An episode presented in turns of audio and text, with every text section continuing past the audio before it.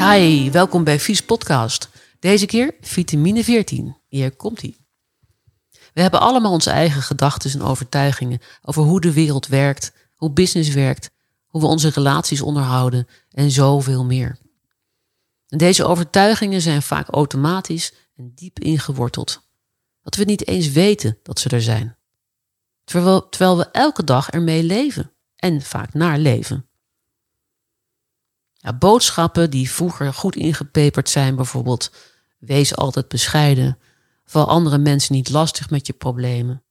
Nou, mijn moeder zei vroeger, je staat er uiteindelijk alleen voor in het leven.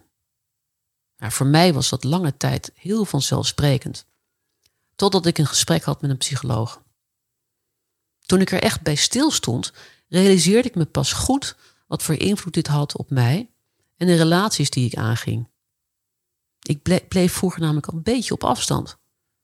Ja, vind je het gek als je zo'n overtuiging in je hoofd hebt?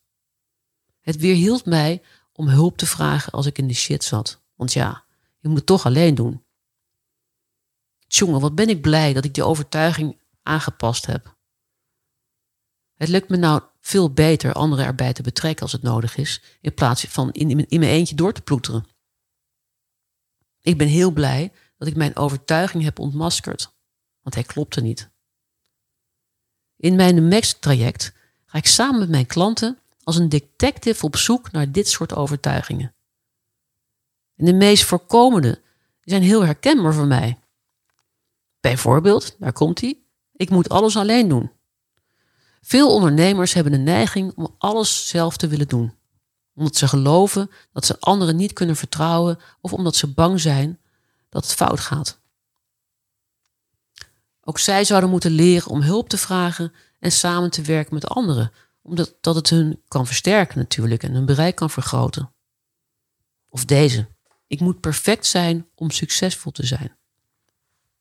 Hierdoor komen mensen vaak te weinig in actie omdat ze bang zijn om fouten te maken en te falen. Nou, in, plaats in plaats daarvan kan je beter erkennen dat fouten en mislukkingen er nou eenmaal bij horen. Dat je daar juist van kan leren.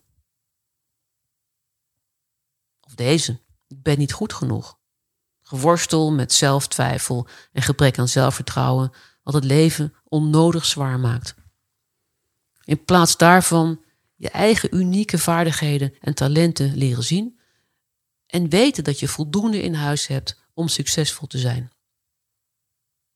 Maar het veranderen van die oude overtuigingen, waarvan de houdbaarheidsdatum al lang is verstreken, is wel een klusje.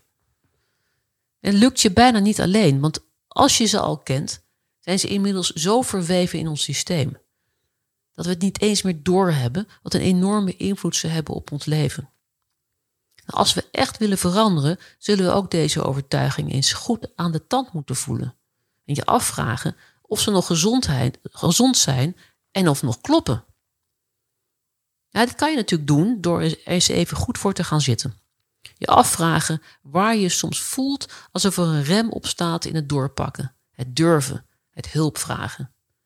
Het groter denken, jezelf profileren, het genieten. Het kan helpen dit op te schrijven. Of je gaat eens in gesprek met je partner, goede vriend of vriendin. Of je klopt dus bij mij aan. Ik help je graag deze eens, eens en voorgoed uit de weg te ruimen.